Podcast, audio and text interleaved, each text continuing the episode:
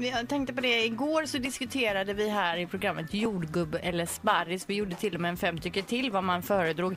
För Sandholt, som du är stand-in han föredrog ju sparris.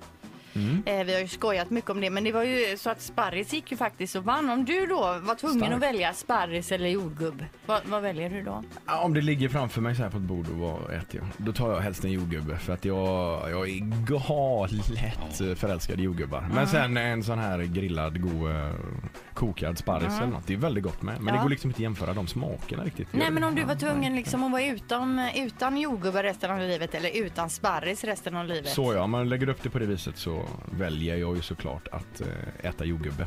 Ja men precis, Bra. där är han ju helt fel ute alltså. Välkommen in i Sandholt. värmen. Strawberries. Och vad det gäller Zlatan har vi också diskuterat lite här av och till. Vad tror du? Var hamnar han?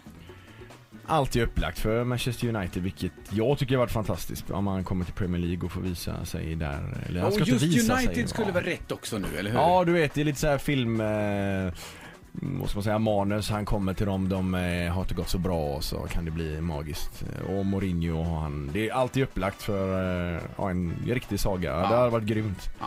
Men eh, ja, jag vet inte. Någon sån här dra till LA eller något. Jag vet. Du Han känns inte har så du- avdankad än. Har du träffat honom många gånger? Inte många gånger men eh, jag var ju med i VM 2006 och då var man ju ganska tätt in på honom menar jag, i och med att vi bodde på samma hotell och bara i samma korridor här i ungefär i en månads tid i Tyskland. Så eh, det var väl senast vi hängde och spelade rundpingis. Ja, mer apropå Zlatan. Han släppte också sin eh, klädkollektion nu, AZ Sportswear. Kan du tänka dig att köpa Zlatans kläder? Sportkläder, Au. Kalsonger. Absolut, absolut. Nej, jag vet, ja men det, men köpa, det hade man väl kanske kunnat tänka, uh, tänka sig att göra. Vad vet jag, det ska ju vara bra grejer så jag menar jag dricker ju Vitamin Well ibland så Ja. varför skulle jag inte kunna ta på mig en t-shirt ifrån hans eh, företag då? Ja, men precis. Ja. De är goda tycker jag, Vitamin Well, den här citrusfläder.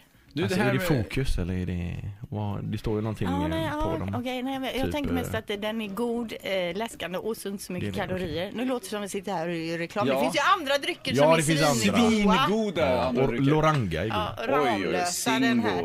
Med smultron och lime. Du, eh, du, du hade, i början av programmet här idag så kom det fram att du har fått kritik för ditt, kl- din klädstil. Det visste inte jag om. Vad är det som har hänt där? Jag får, vad var det? Nej men det är ju, vi har ju, jag ska inte göra reklam för den journalisten, men vi har ju Vulkan där, eh, heter han, eh, en journalist på GT som eh, fiskar efter nyheter. Nu eh, för tiden så får han inte så mycket från Kamratgården, jag vet inte vad det beror på. Men eh, han var ju bra annars på att luska fram nyheter, så nu är han väl desperat och letar efter nya saker att göra. Så då har han fått, om det stod någon spelare och någon, någon mer, något fan eller något att läcka lite goa grejer inifrån. Så då var det något om alla spelare och då stod det att Alvbåge har katastrof när det gäller klädsmaken. Hans klädsmak är katastrof. Och eh, ja, då får han väl vara det. Vad Va? vet Det jag. kan jag jag inte hålla med. Jag förstår tycker inte du är det. jättesnygg Tack så alltid och mycket. Ja, men det stod och något fina innan kläder. Gävle kom han i eh, röda shorts, eh, gul t-shirt och, och det har aldrig ens hänt det som stod där så jag vet inte. Det var under känns som din han... rastafari-period kanske. Eller hur, precis. ja, men jag, Ett poddtips från Podplay. I fallen jag aldrig glömmer djupdyker Hasse Aro i arbetet bakom några av Sveriges mest uppseendeväckande brottsutredningar. Går vi in med hemlig telefonavlyssning och, och då upplever vi att vi får en total förändring av hans beteende. Vad är det som händer nu? Vem är det som läcker? Och så säger han att jag är kriminell, jag har varit kriminell i hela mitt liv men att mörda ett barn, där går min gräns. Nya säsongen av Fallen jag aldrig glömmer på Podplay.